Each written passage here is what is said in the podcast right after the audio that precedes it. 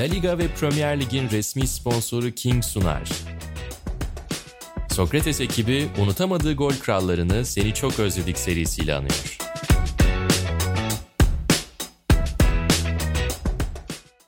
Seni çok özledik de yeni bölümde karşınızdayız. İkimizin de seni çok özledik cümlesini çok net bir şekilde kullandığı hatta sadece programlarda falan değil genel olarak arada gördüğümüzde falan kullandığımız bir isim. İkimizin de gerçekten çok özlediği, gerçekten bizim futbol anlayışımız için belki de en özel oyunculardan biri. Thierry Henry'i konuşacağız.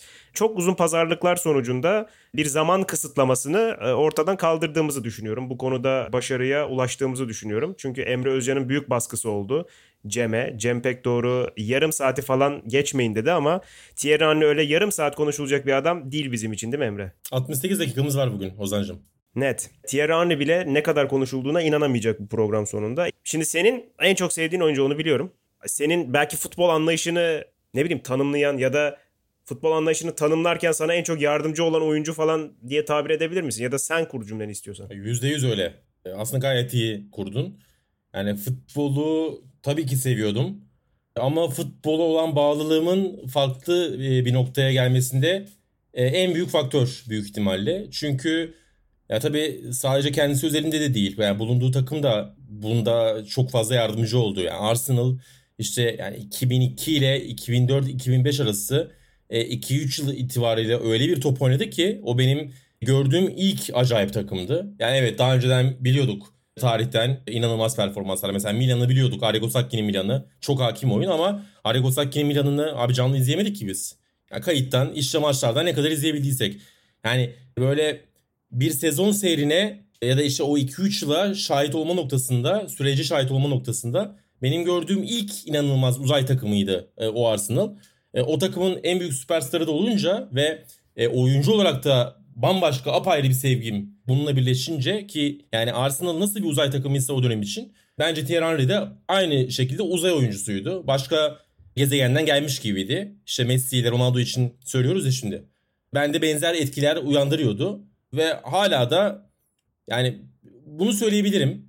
Tabii ki izlediğim en iyi oyuncu falan demeyeceğim ama bana net bir şekilde en fazla keyif veren, e, en fazla zevk veren izlerken ve o zevki de muhtemelen bir daha hiçbir oyuncuda bulamayacağım bir profildi.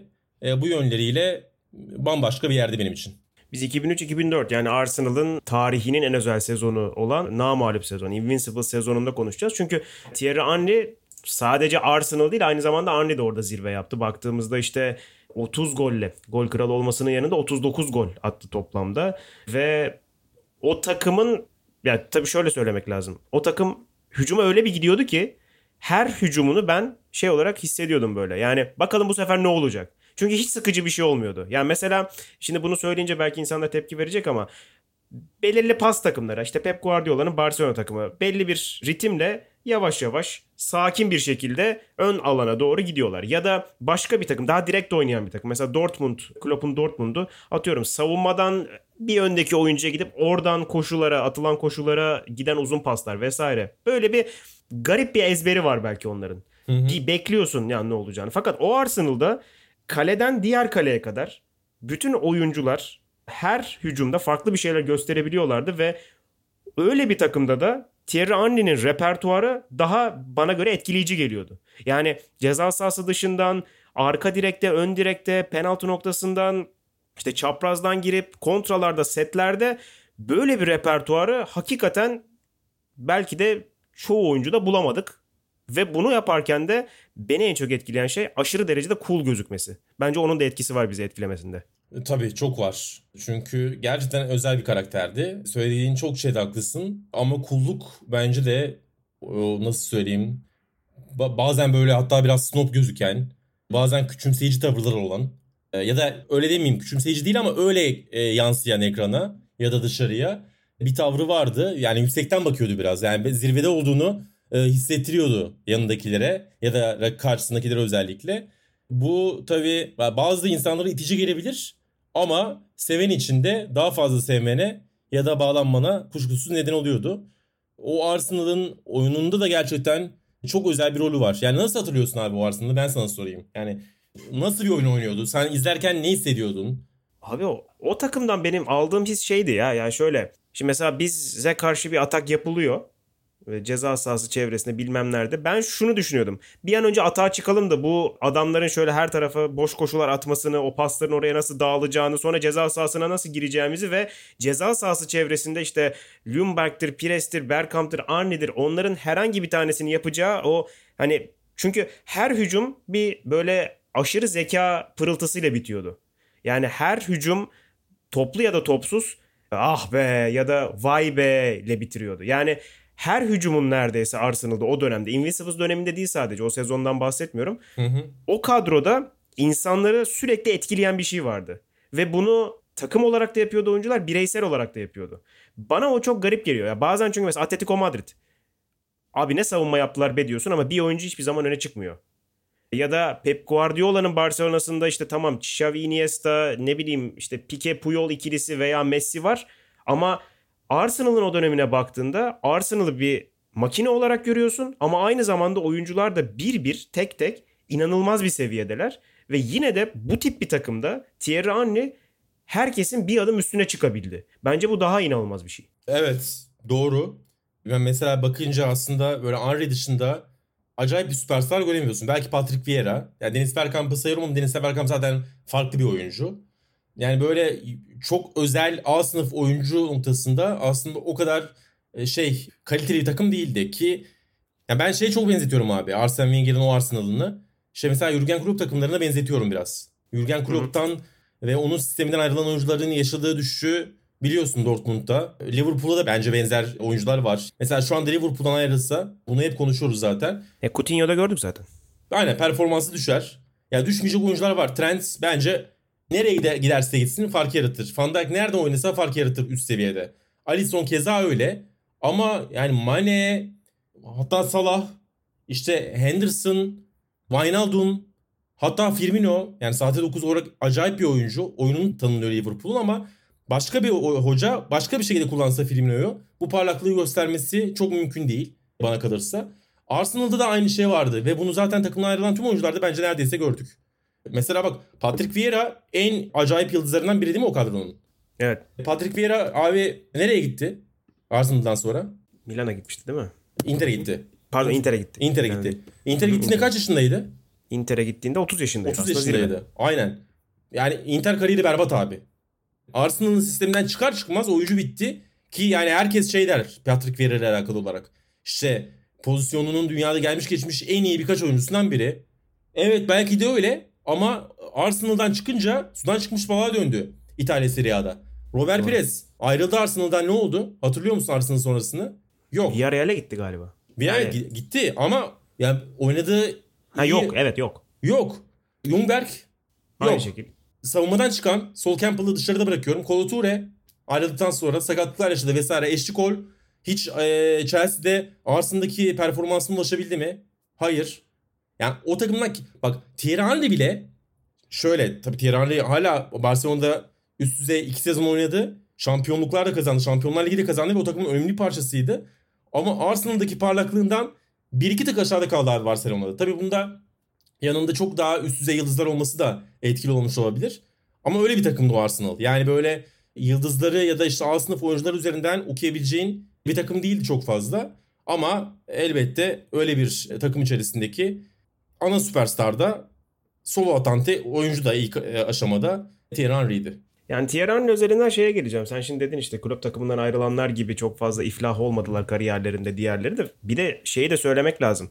Baktığında hadi tabii Klopp'la orada da karşılaştırabiliriz ama hem Arsene Wenger'in Arsenal'a gelişi hem bu takımı toplayışı baktığımızda Arsenal öncesinde de bu oyuncuların neredeyse hiçbiri aslında orada değillerdi. Yani Arsenal'da yaşadıklarını yaşamamışlardı. Ki Tabii. bunun başında Thierry Henry geliyor. Yani Thierry Henry hani pır pır kanat forvet muamelesi gören çok fazla gol atmayan, gole ya ceza sahasına çok yakın oynamayan ve özelliklerini aslında tam olarak kullanamayan bir adamdı. Fakat Arsenal'a gelişiyle birlikte tarihin en büyük golcülerinden birine dönüşüyor sonuçta ve bu da tam Arsenal kariyerinin ortasında işte arka arkaya 32 32 39 gol attı. İşte 2001 ile 2004 arası 2003-2004'te zirveye çıkan bir dönem getiriyor bize ki o dönem işte ya burada da konuştuk daha önce seni çok özledik de o dönem aslında golcülerin harman olduğu bir dönem. Ve bunların arasında Avrupa'nın en iyi golcülerinden biri belki de o dönemin en iyisi olarak anılabiliyor Thierry Henry. Bu dönüşüm de mesela çok acayip. Evet yani aslında zaten oyuncuyu konuşurken tabii ki Arsenal'a gelişi, nasıl geldiği, nasıl çıktığı, Arsenal'dan önce ne yaptı, şey Juventus dönemi e, keza e, o yaşadıkları da çok önemli. Çünkü yani aslında işte 90'larda abi Thierry Henry böyle 12, 13 ya da işte 14, 15 yaşında Monaco altyapısına girdikten sonra çünkü Clairefontaine çıkışlı bir oyuncu. Monaco altyapısına giriyor ki bildiğim kadarıyla Monaco zaten onu Clairefontaine Akademisi'ne gönderiyor. Orada eğitim almasını istiyor. Keşfettikten sonra Thierry Henry'yi alıyorlar, yolluyorlar. Orada eğitim alıyor. Sonra Monaco altyapısına dönüyor. E, orada devam ediyor. Benim gördüğüm orijini aslında santrfor oyuncunun. Sonrasında işte Monaco'da özellikle Thierry Henry oyuncuyu ilk A takıma çıkaran teknik adam. O oyuncuyu santrforda değil de kenarda kullanıyor. Hatta sol kenarda kullanıyor diye hatırlıyorum. Ve ilk şansı orada veriyor ama tabii zaten Wenger'le oynama zamanı süresi kısıtlı oyuncunun. Fakat ondan sonra Jantigana takımın başına geliyor. Jantigana döneminde işte onu direkt bir şekilde yine kendi natural pozisyonunu alıyor, Tigana. Ve Tigana ile beraber Monaco'nun bir şampiyonluğunda çok büyük pay sahibi oluyor. Hatta o sezon galiba e, yılın genç oyuncusu seçiliyor Fransa'da. Ciddi gol rakamlarına ulaşmaya başlıyor ve ondan sonra zaten önü açılıyor. İşte Fransa'nın en büyük yeteneklerinden biri olarak gözüküyor ve onun sonucu olarak Juventus'a transfer oluyor. Juventus'a gittikten sonra da işte 90'ların sonunda 98 ya da 99 e, yaşı 21-22 orada şanssızlık yaşadığı şanssızlık hepimizin malumu. Takım başında Marcelo Lippi var. Lippi bakıyor oyuncuya. Biliyorsun o yani İtalyan klasik İtalyan teknik adamlar hep gerçek 9 numaralarla yani güçlü, kuvvetli, sırtı dönük oyunu olan, rakip savunmayla mücadele eden, göğüs göğüse çarpışan oyuncuları genellikle tercih ederler. E, elinde de böyle oyuncular var Marcelo Lippi'nin. İkinci 10 numara olarak zaten şey var.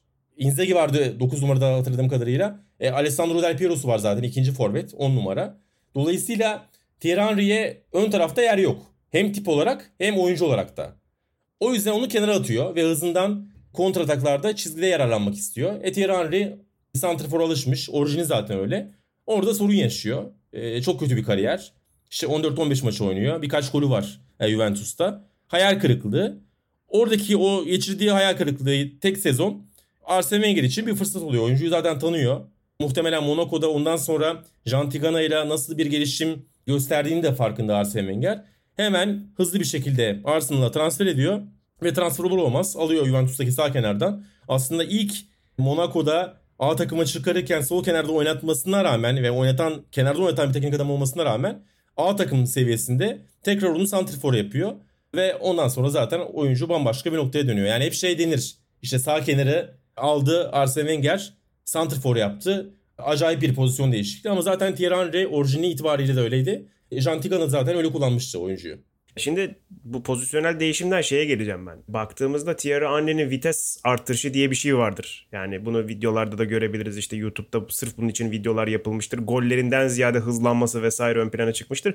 Biz hep şeyi konuşuruz işte klasik 9 numara işte vücudunu kullanır alır döner ceza sahasında acayip golcülerdir. İşte kafa toplarında çok etkilidir vesaire. Thierry Henry'e baktığımızda ben hani repertuar demiştim şöyle bir şey geliyor benim aklıma. Bu kadar atlet bir oyuncu, bu kadar hızlı bir oyuncu, bu kadar aynı zamanda dengeli bir oyuncu ki her atlet oyuncu dengeli olacak diye bir şey yok. Nasıl bu kadar teknik olabilir? Bu nasıl bir birleşim? Hakikaten benim çok aklımın almadığı bir şey. Yani ayak içi plasesini zaten yani dünya ünlü bir ayak içi plasesi var. İşte uzaktan şutlarının ne kadar iyi olduğunu biliyoruz. Bugün uzaktan şutlarıyla ünlü birçok oyuncudan daha fazla ve daha klas goller atmıştır uzaktan ceza sahası çevresinde ne kadar bilinçli olduğunu biliyoruz. Özellikle pas oyununda mesela Bergkamp'la olan ilişkisini biliyoruz. Ve buna rağmen de bu kadar fiziksel üstünlük olması bir oyuncuda hakikaten anomali gibi bir şey. Zaten muhtemelen benim de bu söylediğin şeyler tamamen katıldığım şeyler. Thierry Henry'nin benim için bu kadar özel bir oyuncu olmasının en büyük faktör. Çünkü e, benim de akıl sır erdiremediğim bir şey. Mesela işte böyle an- anomaliler görüyoruz abi. Günümüzde de var böyle fiziksel anomaliler. Bunlardan biri mesela Adama Traore. Ee, bunlardan biri Van Dijk. Yani o kadar kalıplı bir sant şey stoper. O kadar uzun boylu, kuvvetli, geniş, yer kaplayan bir e, stoper nasıl öyle bir hıza ulaşabiliyor? Nasıl öyle teknik olabiliyor? Adama Traore keza zaten onun fiziği tek başına başlı başına bir anormallik. Henry de abi boyu 1.90 Thierry Henry'nin 1.89 Böyle sırım gibi bir delikanlı. Ama akıl alır gibi bir teknik değil. Ve ben hep şeyi söylüyorum abi. Bir 100 metre edici atletizmiyle çok teknik bir oyuncunun aynı vücutta birleşimi bence Thierry Henry. Yani bunu bir daha muhtemelen göremezsin hiçbir oyuncuda. Yani öyle bir atletizm genellikle topu kıran, kötü bitiren pozisyonları eğer santrforsa, forvetse oyuncuları beraberine getirir. Yani böyle 50 tane 100 tane futbol tarihinden örnek sayabilirsin. Ama hem 100 metreci atletizmi ki onun da bence zirvesi. Çünkü ivmelenmede ve maksimumumuzda tarihin de bence en özel oyuncularından biri. Ama onu öyle bir teknikle birleştirmesi, öyle bir pas kalitesiyle, öyle bir bitiricilikle birleştirmesi oyuncuyu gerçekten çok başka bir sınıfa sokuyor. O yüzden de ben zaten bir daha öyle bir oyuncu göremeyeceğimizi düşünüyorum. Çünkü yani boy yere yakınsa abi, oyuncu yere yakınsa 1.70 1.75 çok acayip teknikler görebiliyorsun. İşte en başta Messi var. Ama o kadar yerden yükseldikçe, boy 1.90'a gittikçe o yaptığı enteresan işler, o ilk dokunuş gerçekten çok ayrıksı ve özel duruyor. Ya e, özellikle tabii 2003-2004'ten o Invincible sezonundan hep nasıl diyeyim orayı nokta alıp oradan çıkış yapıyoruz konulara ama ben mesela şeyi söyleyeceğim bir de. Şimdi tamam belki Invincibles dönemi çok akılda kalan bir takım ama 2000 ile 2006 arasını mesela almak lazım orası Arsenal için önemli. Yani o 6 yıl, 6 sezon vesaire. Sen takımdan bahsettin. Takımla ilgili bir soru sordun bana. Ben onunla ilgili cevap verdim. Fakat ben sana şunu soracağım şimdi. Arsenal'ın o döneminde oyun tarzını da düşünecek olursak işte ne kadar hızlı oynandığını, ne kadar direkt gidildiğini, aynı zamanda işte oyuncuların hepsinin her şey yapabildiği sisteme inanılmaz uyduğunu falan düşünecek olursak Thierry Henry'i mükemmelleştiren mesela Arsenal'ın o sistemi miydi? Yoksa başka bir oyuncu da aynı ya da farklı özelliklere sahip başka bir oyuncu da bunu yapabilir miydi? Mesela Bergkamp gibi bir yardımcısı varken işte sağında solunda Jumberg ve Pires gibi oyuncular varken işte merkezden Vieira ceza sahasına böyle koşular atabilirken Thierry Henry'i onlar mı bu hale getirdi yoksa hani farklı bir oyuncu olsa bunlar olmaz mıydı sence? Yani zor bir soru. Farklı bir yani farklı oyuncuya bağlı abi. Farklı oyuncuya bağlı. Kimin geleceğine bağlı ama onu yapabilecek, Arsenal'ı o seviyeye çıkarabilecek çok az oyuncu vardı o dönem. Onu söyleyebilirim. Yani e, aslında sorduğun soruya ikisi de derim. Ama Thierry Henry o takımın sistemini tanımlayan oyunculardan biriydi bence. Mesela her takımda böyle bazı oyuncular vardır. Mesela şimdi Liverpool'dan yine örnek vereyim. Çok moda şu anda. Zaten şampiyon oldular vesaire. Son döneminde en göze çarpan takımı hem Premier Lig'de hem Avrupa'da. Şimdi Sadio Mane var, Muhammed Salah var, Roberto Firmino var. E, bu üçlü de performans olarak skorerlik, e, işte istatistik e, Salah hatta Mane son dönemde Firmino'nun önünde. Ama o takımın yapısını, sistemini tanımlayan oyuncu bence Firmino. Dolayısıyla her takımda böyle birkaç oyuncu o yapıyı tanımlar bana kalırsa. Thierry Henry Arsenal'ın sistemini tanımlayan birkaç oyuncudan biriydi. Ve o yüzden de çok önemliydi. Ve onu yaparken bir de takımın aynı zamanda istatistik yönden en zirve oyuncusu olması da e, onu bence farklı kılan şeylerden biri. Çünkü abi sen az önce çok güzel söyledin. E, Deniz Bergkamp'ta inanılmaz bir anlaşması, pas bağlantısı vardı. Ama asıl Arsenal'daki asıl pas bağlantısı Thierry Henry'nin kendisini sola attığı dönemde, düzende ortaya çıkıyordu. Ve onun kendisini sola atmasıyla beraber sol kenar Robert Pires ve sol bekten çıkış yapan Ashley Cole'le beraber orada bir üçgen oluşturuyordu oyuncular. Ve Arsenal oyunu o soldaki üçgen üzerinden kuruyordu genellikle. Thierry de sola atınca kendisini genellikle bir stoper onu takip ediyordu. Şimdi stoper takip etmezse orada sayısal üstünlük. Stoper takip ederse orada boşluk bırakıyorlar. Ve oraya bıraktığı boşlukları gerek üçgen içerisinden Robert Pires, gerek sağ kenardan Freddy Ljungberg, gerek de merkezden Bergkamp ve Patrick Vieira'nın sürpriz çıkışları, ceza sahası koşulları Thierry Henry'nin boşalttığı alanlarda bütün Arsenal oyuncuların pozisyonlar bulmasını ve goller atmasını beraberine getiriyordu. Mesela tarihte Thierry Henry sahte 9 olarak adlandırılmaz. Haklı bir şekilde. Ama bence bir nevi sahte 9'du. Kendisini derine atmayan ama sola atan bir sahte 9'du. Ve alan boşaltıyordu o şekilde. O yüzden bir ben... şey muhabbeti vardır ya White Target Man. Hani e, Mesela e, evet. nasıl bilmiyorum ama White Target Man'de White False Nine falan diye belki tanımlayabiliriz. White Target Man'in örneklerinden biri herhalde Mario Mandzukic değil mi? Onu kastediyorsun. Evet. Sol evet, kenar aynen. Juventus. Aynen. Tamam. Doğru olabilir. Öyle öyle bir özel rolü vardı. Yani sahte 9 izleri barındıran. Ve mesela Arsenal oyununu da işte onlar tanımlıyordu abi. Yani Patrick Vieira'nın ceza sahası koşulları evet o okey harika yapıyor. Keza Jungberg çok zeki bir oyuncu. Ama Terari o alanları boşaltamazsa o attıkları koşulardan o kadar verimli bir şekilde skor ya da üretkenlik çıkaramayacaktı belki de oyuncular. Takımın tüm sistemine hizmet eden bir yapısı vardı Thierry Ve şeyi de hep konuşuyoruz abi. Yani Arsenal acayip pas yapıyordu. Evet. Ben hep onu söylerim Arsenal'le alakalı. O örneği hep veririm. Sezonu hatırlamıyorum. İç sahada Highbury'de oynadıkları bir e, West Ham maçı var. Rakibi çok iyi hatırlıyorum. West Ham rakip. Abi öyle bir oyun oynadılar ki 90 e, dakika boyunca. Hele böyle bir yarım saatlik bir periyotları var. İlk yarıydı galiba hatırladığım kadarıyla. Maçın başıydı. Ya, inanamamıştım. Yani çünkü daha önce öyle bir şey görmedim hayatımda. Ve o dönem tabii futbolu da yeni yeni keşfediyoruz. İnternet zaten yeni yeni yaygınlaşıyor. Bilgi kaynaklarına çok yakın değiliz. O takımı ben uzun süre boyunca acayip bir pas takımı olarak düşündüm. Yani dedim ki yani pas takımının zirvesi işte budur falan. Ama değilmiş. Yani o takım pas takımı değilmiş abi. O takım direkt Aynen. bir takımmış. Aynen. O takımın pas sayıları mesela düşük. Bir sezon yani 2005-2006 mı 2004-2005 mi? E, Arsenal'ın bazı maçlarının pas istatistikleri yayınlandı geçtiğimiz dönemde. 400-450 pas yapıyorlar maç başında. Yani şu anda 650'ler 700'ler. City, Bayern, Barcelona onları görüyoruz. Muhtemelen Arsenal'ın zirvesi 500 o dönemde. Yani şu an bu şey gibi bir şey anlamına geliyor herhalde. Yani stoper ya da kaleciden 3 veya 4 pasta rakip ceza sahasına gidiliyor gibi bir şey. Evet abi. Aynen çok direkt, çok hızlı dikey paslarla 4-5 pasta sürekli rakip kaleye inen top kazandıktan sonra benzer hücumları yapan ve şu o 4-5 pası o kadar ritimli, o kadar hızlı, o kadar oyunlu yapıyorlardı ki biz de onu muhtemelen ya da en azından ben o Arsenal'ı pas takımı olarak değerlendiriyordum. Ama ne olursa olsun mükemmel pas yapan bir takımdı. Ve mesela şeyler de abi yani uzatıyorum belki Arsenal'ın yapısını. Bekler o takımda çok önemli bir rol sahibiydi. İki bekte çünkü hücuma çıkıyordu. Ve mesela sol kenar sağ kenarla beraber Robert Pires ve Jungberg'le beraber acayip bir telepatik bağ vardı Cole ve Loren arasında. Eğer Pires çizgideyse Cole içeri koşu atıyor. Keza Loren'le Jungberg aynı şekilde. Pires içeri kat ederse ve işte rakip beki taşırsa çizgide açılan koridora koşu atıyordu. Yani asla birbirleriyle çakışmadı. Pires, Cole ve Loren Jungberg ikilisi.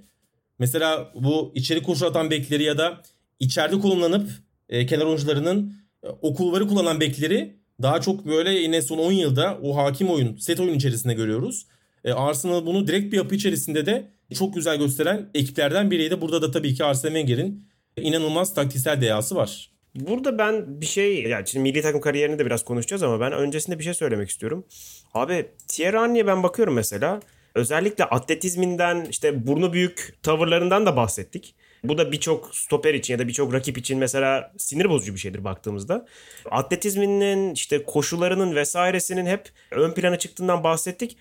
Thierry Henry'nin yaşadığı büyük bir sakatlık ya da kariyerini etkileyen büyük bir sakatlık hatırlıyor musun? Yok. Ee, yani yani mesela bu figürdeki yani bu profildeki oyunculara baktığımızda hep böyle şey olur. E, kariyerini bir şekilde etkileyen, işte birkaç sezonda boş geçmesini sağlayan, maç kaçıran ya da ne bileyim işte bir şekilde o müdahaleyi alan oyuncular gibi akılda kalıyor ama yani Thierry Henry'nin bu, bu tavırlarına ve aynı zamanda bu oyun tarzına rağmen kaçırdığı maç sayısına baktım ben şimdi. Arsenal'da maç kaçırmamış gibi gözüküyor enteresan. Belki o zaman kayıtları yoktur ama kariyerinin son 7 sezonunda kaçırdığı maç sayısı 11. Yani ki mesela burada artık yaşını da almış bir oyuncudan bahsediyoruz.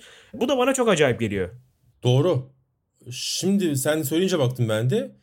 Arsenal kariyeri hep 30 üstü. Hep 30 üstü abi. Acayip bir şey bu. 38 haftanın hep 30 artısında oynamış. Galiba bir son sezon bir sakatlık yaşamış. Orada 17 maçı var. 17 maçta 10 gol atmış. Son sezonunda 2006-2007'de. Zaten o biraz e, Arsenal'ın da o Şampiyonlar Ligi finalinde yaşadığı sorundan sonra çöküş sezonlarından biriydi Thierry Henry ile beraber. Ondan sonra takımdan ayrılmıştı. Evet bu da ya benim de böyle üzerine çok fazla düşünmediğim ama sen söyleyince şimdi e, hak verdiğim şeylerden biri. Yani iyi atleti ama iyi atlet olup çok sakatlık yaşayan birçok oyuncu gördük. Demek ki kendisine de iyi bakıyordu. Ki mesela öyle sıkıcı bir adam da değildir diğer hani baktığın zaman. Ya yani çok eğlencelidir. Hani ne bileyim medyada, sosyal medyada vesairede ne zaman görsen hep böyle bir takımı eğlendiren ya da karşısındakini eğlendiren bir tavrı da vardır tüm o ciddiliğine rağmen. Buna rağmen de çizdiği profil çok profesyonel. Doğru. Böyle ya beslenmesine çok dikkat ettiğini e, biliyorum. Çünkü zaten fiziği çok iyiydi ve yani o fiziği hemen hemen hiç bozulmadı. Böyle gerçekten olağanüstü görünüyordu. Yani bacaklar, bacak çapı, kollar, omuzlar, e, vücut e, formayı çıkardığında çok kaslı, E, yarın da muhtemelen çok yüksek olmayan bir oyuncuydu. E, o yani bu bazı insanlar doğaldır ama genellikle bu profesyonel hayata dikkat ederek ve özellikle beslenmeye dikkat ederek korunabilen bir şey. Zaten evet. fiziğinden onu az çok anlıyordun. Gerçekten o yönünden de özel bir futbolcuydu. Yani Barcelona'ya transfer olduktan sonra da orada da bence sakatlık yaşamadı çok fazla. Benim hatırladığım yok. Yani Pep Guardiola'nın yedek bıraktığı maçlar vardı büyük ihtimalle oyuncuyu. Ama sakatlık nedeniyle orada da herhalde çok fazla maç kaçırmamıştır. 47 42 32 sezon başına oynadığı maçlar Barcelona'da gayet yani yüksek. Gayet iyi. Gayet zaman. iyi. Ki yani son sezonunda da 32 ama orada da 2010'da zaten MLS'e gidiyor. Milli takım kariyerini biraz konuşalım çünkü ben şunu soracağım sana. Ya Thierry Henry ve Fransa e, ayrı ayrı düşünülebilecek aslında noktalar her ne kadar işte 123 maç 51 gol en fazla gol atan oyuncu falan olmasına rağmen neden bunu söylüyorum? Şundan dolayı. Thierry Henry'nin bence şöyle bir şanssızlığı var. 98 onun kariyerinin hani yeni başladı ve hani az önce de konuştuk. Belki de tartışıldı. Yeni yeni çıkmaya başladığı dönem. Ana figür değil. Evet. Sonrasında bakıyoruz 2000 yılında Arsenal'a geliyor. O sezonu milli takımla hani kulüp ve milli takım sezonlarının belki de bir araya geldi. Paralel gittiği, iyi gittiği tek dönem. Sonrasında biliyoruz ki Fransa milli takımı 2002 Dünya Kupası ile beraber acayip bir döneme girdi. Yani işte e, başarısızlıklar geldi. Çok büyük beklentilerle gidilen başarısızlıklar. Üstüne işte 2006 hariç belki şey diyebiliriz. Sürekli böyle kamplarda problemlerin yaşandığı, oyuncuların sorun yaşadığı, teknik direktör değişimleri vesaire ve böyle bir dönemde her ne kadar Fransa milli takımında başarı yaşamış olsa da bu kadar çalkantılı bir dönemde en uçta yer alıp 51 gol attı Fransa milli takımı gibi bir takımda. Bu da çok acayip geliyor bana. Evet yani milli takım kariyeri çok fena, yani çok vasat değil ya da işte kötü değil. Ama yani Ruud van Nistelrooy için söylediğimiz şeyleri onun için de bence kullanabiliriz. Thierry Henry'nin de nasıl söyleyeyim sana çok acayip bir turnuva performansını pek hatırlamıyorum. Yani Euro 2004 mesela sen işte 2002 Dünya Kupası dedin ya büyük bir sıkıntı yaşıyorlar ondan sonra. Hı hı. Evet orada zaten dibe vurdular 2002 Dünya Kupası. 2004 Euro 2004'te çok fazla golü yok hatırladığım. Sayıyı veremeyeceğim emin değilim. Euro, şey 2006 Dünya Kupası hatırladığım kadarıyla orada tek santrfor oynuyordu. Ve mesela ondan etkilendiğine dair e, yazılar okumuştum o dönemde. Performans e, düşüklüğü itibarıyla. Böyle çok rahat değildi orada da. Her ne kadar fena gitmesi de turnuva onlar için. Final oynadılar işte İtalya'ya karşı. O turnuvada da çok gol atmadı diye hatırlıyorum Thierry Henry. Abi Thierry Henry bakıyorum şimdi 3 gol atmış.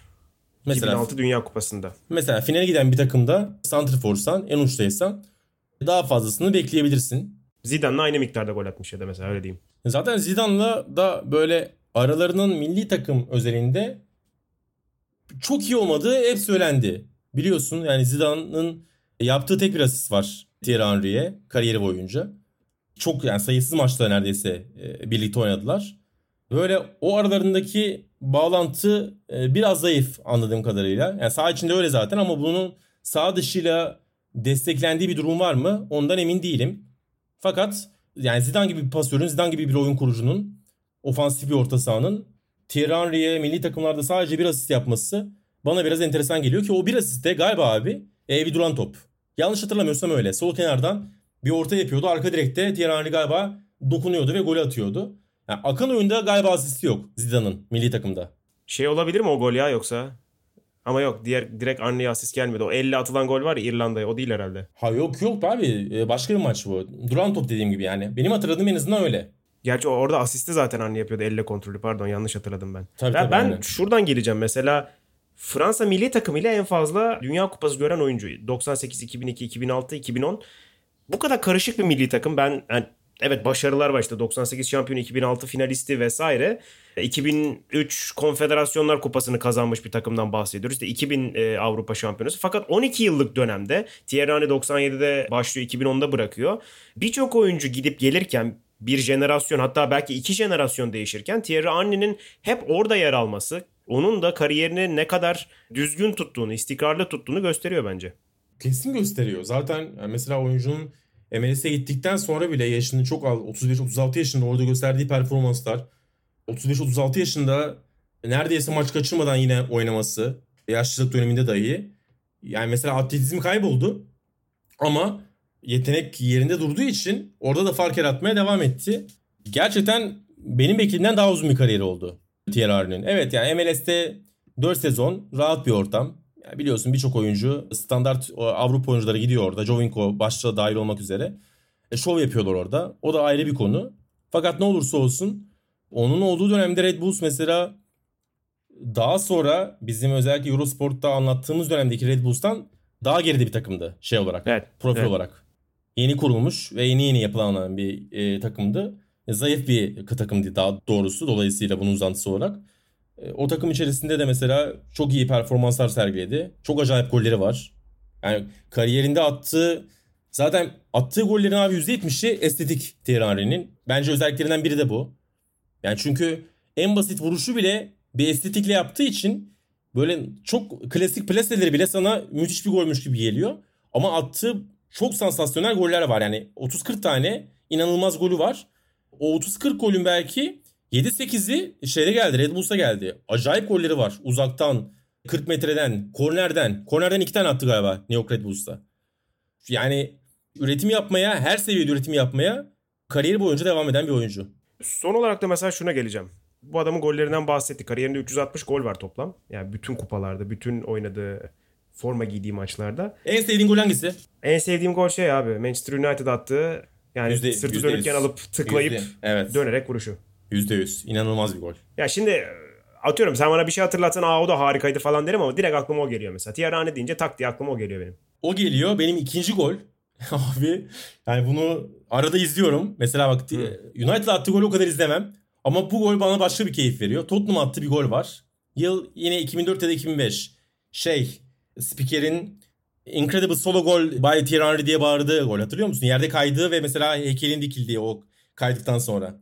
Dizlerin şey mi o? Ya. Soldan gidip gidip ceza sahasına sol çaprazdan girip evet, e, attı. Ama şeyden alıyor. Orta saha yuvarlağının gerisinden evet, evet, alıyor. Evet. Dribbling, dribbling, dribbling. İki oyuncu geçiyor. Sonra solu yani böyle sola doğru çekerken evet. direğin dibine vuruyor. Ama yani mesela böyle acayip bir gol değil. Fakat orada bir sahne var abi. Şöyle ki işte topu alıyor abi. Orta saha çizgisinin gerisinden. Sürmeye başlıyor. Hızlanıyor. Yuvarlığa geçtikten sonra böyle Hı. topla beraber maksimumuna yakın gidiyor. Abi arkadan bir oyuncu geliyor. Yani müdahale yapmak istiyor. Ama yani öyle gidiyor ki geliyor yani herhangi bir şey yapamayacağını fark ediyor. 28 numara. Bak Tottenham'ın. Oyuncuyu hatırlamıyorum. 28 numara aklımda. Çaresiz bir şekilde vazgeçiyor. Ya o vazgeçiş, e, rakibinin o vazgeçişi, müdahale yapmadan neredeyse vazgeçişi çok komik bir görüntü.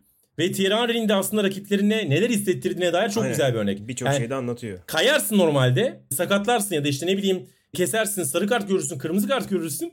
Yani müdahaleye yeltenmemiş adam. Yani muhtemelen hatta müdahale yapsa da çok fazla durduramayacağının farkında.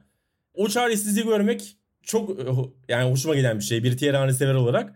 E, o yüzden o gole böyle bir iki ayda bir e, açıp bakıyorum. Senin o şey söyle yani ikinci golü söyledikten sonra benim de aklıma şey geldi. Galiba Sparta Prag maçı alıp dönüp ceza sahası dışında ayağının dışıyla öyle dışıyla. bir falso veriyor evet. uzak köşeye. Evet. Ya mesela ya bir vuruş tekniği olarak baktığında bu şey gibi bir şeydir. Hani şey deriz ya klasik bir 10 numara.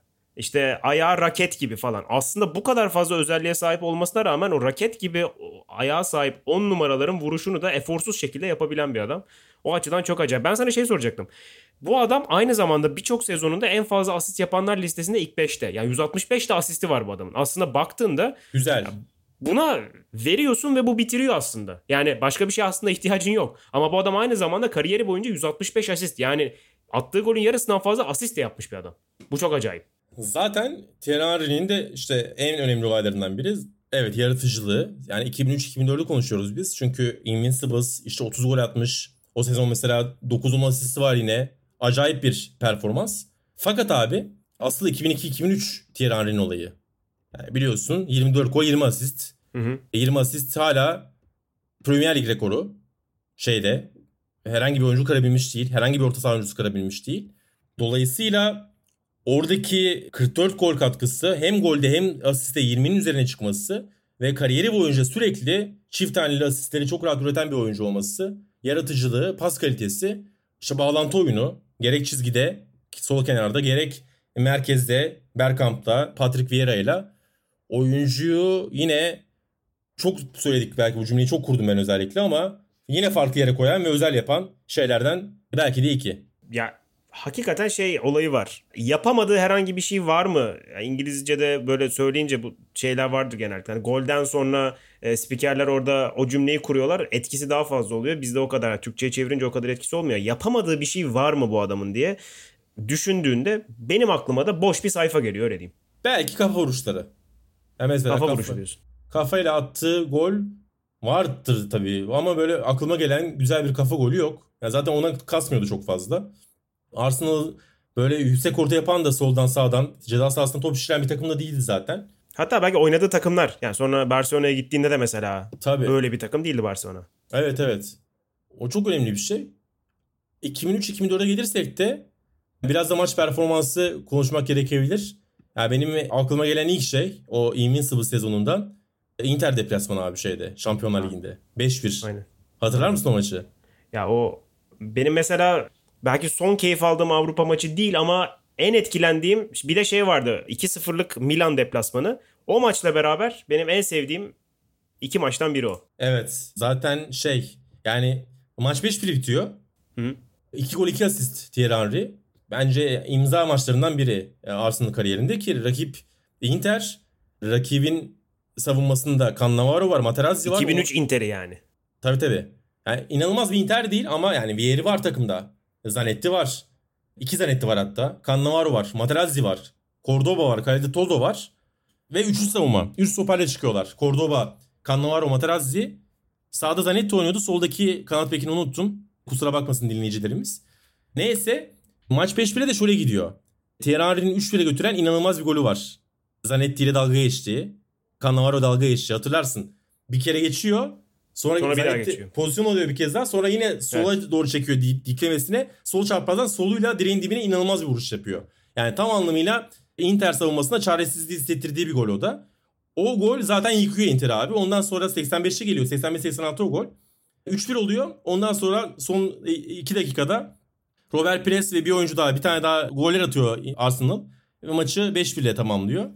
E, o maçın 5-1'e gelmesinde de o rakibe neredeyse hakaret eden böyle aşağılayan o golü şey bitirici finishim yapan gol oluyor aynı zamanda. Ve Ya zaten şeye bakıyorsun hani 85'te o gol gelmiş. 85'te o gol geldikten sonra bir dakika arayla Edu ve Pires atmış. Yani şey olduğu ha, belli. Ed, Edu muymuş? Annenin o golüyle şey olmuş. Havlu atılmış. Çok belli yani. Tabii. Zaten galiba ilk 4 gol abi. Yani 2 gol 2 asist de ilk 4 goldü. İşte diğer oyuncunun Edu mu artık Pires mi son Edu, gol Edu. hatırlamıyorum. Edu. Tamam. E, Onun attığı son golde şey yok. Henry'nin e, herhangi bir katkısı yok golde. Ya ondan sonra o Şampiyonlar Ligi sezonunun Chelsea eşleşmesiyle bitmiş olması da acayip bir hayal kırıklığı ki öne geçen bir Arsenal'ın deplasmanda 1-1 sonrasında kendi evinde öne geçen bir Arsenal'ın Wayne Bridge'in golüyle kaybettiği o sezon ki baktığında o Invincibles dediğimizde insanların hani Avrupa kupaları var mı diye sormalarının tek sebebi o e, Wayne Bridge'in golü. Tabii ki Arsenal'ın o sezonun değerinden hiçbir şey götüremiyor. Çok açık bir şekilde ama her zaman da bir tartışma konusu olarak belki de işte Avrupa Kupası'nda neden çeyrek finalde kaldı o zaman o takım sorusu ön plana çıkıyor. E tabii. Bunda tabii bunda tabii Arne'nin herhangi bir yani yapacağı bir şey yok sonuçta.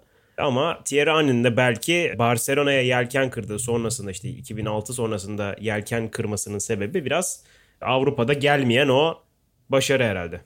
Ya ben de zaten son olarak ona gelmek istiyordum. Yani o Chelsea elenmeleri tabii bir şanssızlık. Yani ligde sürklase ettiğim bir takım ama e, rakibin takımı yani başında da işte Chelsea'nin başında da Ranieri var o dönemde. Ve Ranieri gerçekten iyi bir savunma takımı ortaya çıkardı. Ya da işte o savunma takımının tohumlarını ekmişti o sezonda. Thierry'ler, Galaslar savunmada, işte Wayne Bridge, sağ bekte yine bir stoper özellikli Merkiot, Lampard, Makalele orta sahada. Damien Duff vardı o takımda değil mi? Hasselbank vardı konuştuğumuz. Evet Demin Duff. Ama Kroenke vardı galiba. şey çok sağlamdı abi işte. Yapı çok sağlam. Dörtlü savunma önünde iki pivot. Hem atlet hem iyi savunmacılar. Ve öyle takımları karşında istemezsin abi şeyde. İkili eşleşmede Avrupa'da.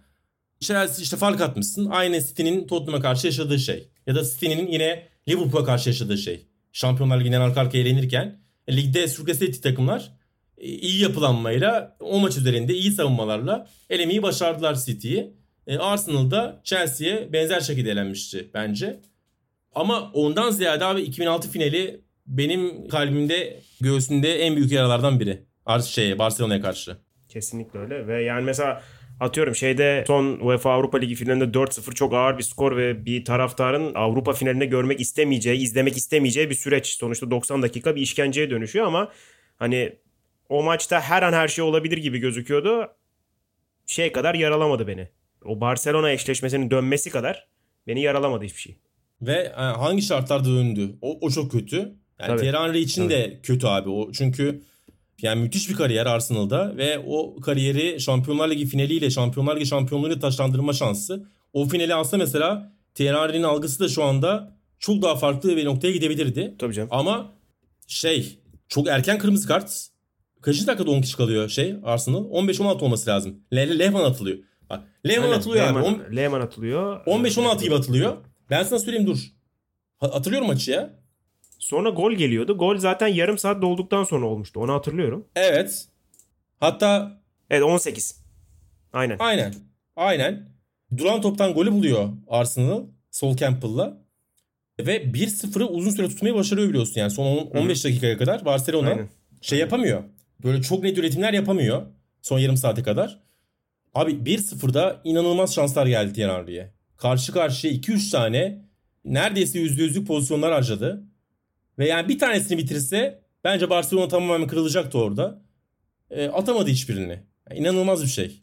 Yani fırsatları buldu. 10 kişiyle duran toptan golü bulup ondan sonra kontralarla rakibini arkasına bu kadar rahat geçen bir takımın Henry nedeniyle o pozisyonları bitirememesi oyuncu içinde ve Arsenal içinde çok büyük şanssızlık. Sonrasında zaten işte son yarım saatte önce Yannick Larson'u sonra Belletti'yi oyuna sokmuştu şey. Rijkaard ve iki oyuncu oyunu değiştiren isimler olmuşlardı. Evet yani zaten biz daha hani Thierry Henry'e özel bir program belki başka zaman bir daha yapabiliriz ama yavaş yavaş da hem aşma izni aldığımız süreyi hem de konuştuğumuz süreyi bakayım 46 olmuş. Üf bayağı iyi. Ama zaten Eyvah bittik. e, ya seni çok özledik diyeceğimiz yani podcast olayı bizim önümüze gelmeden önce de seni çok özledik dediğimiz bir adamdı. Bu dolayısıyla çok normal bizim için.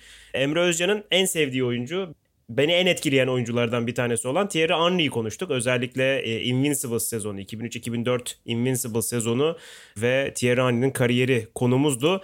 La Liga ve Premier Lig'in resmi sponsoru King'in desteğiyle hazırladığımız Seni Çok Özledik'in bu haftaki bölümünü sonlandırıyoruz. Gelecek hafta yeniden görüşmek üzere. Hoşçakalın.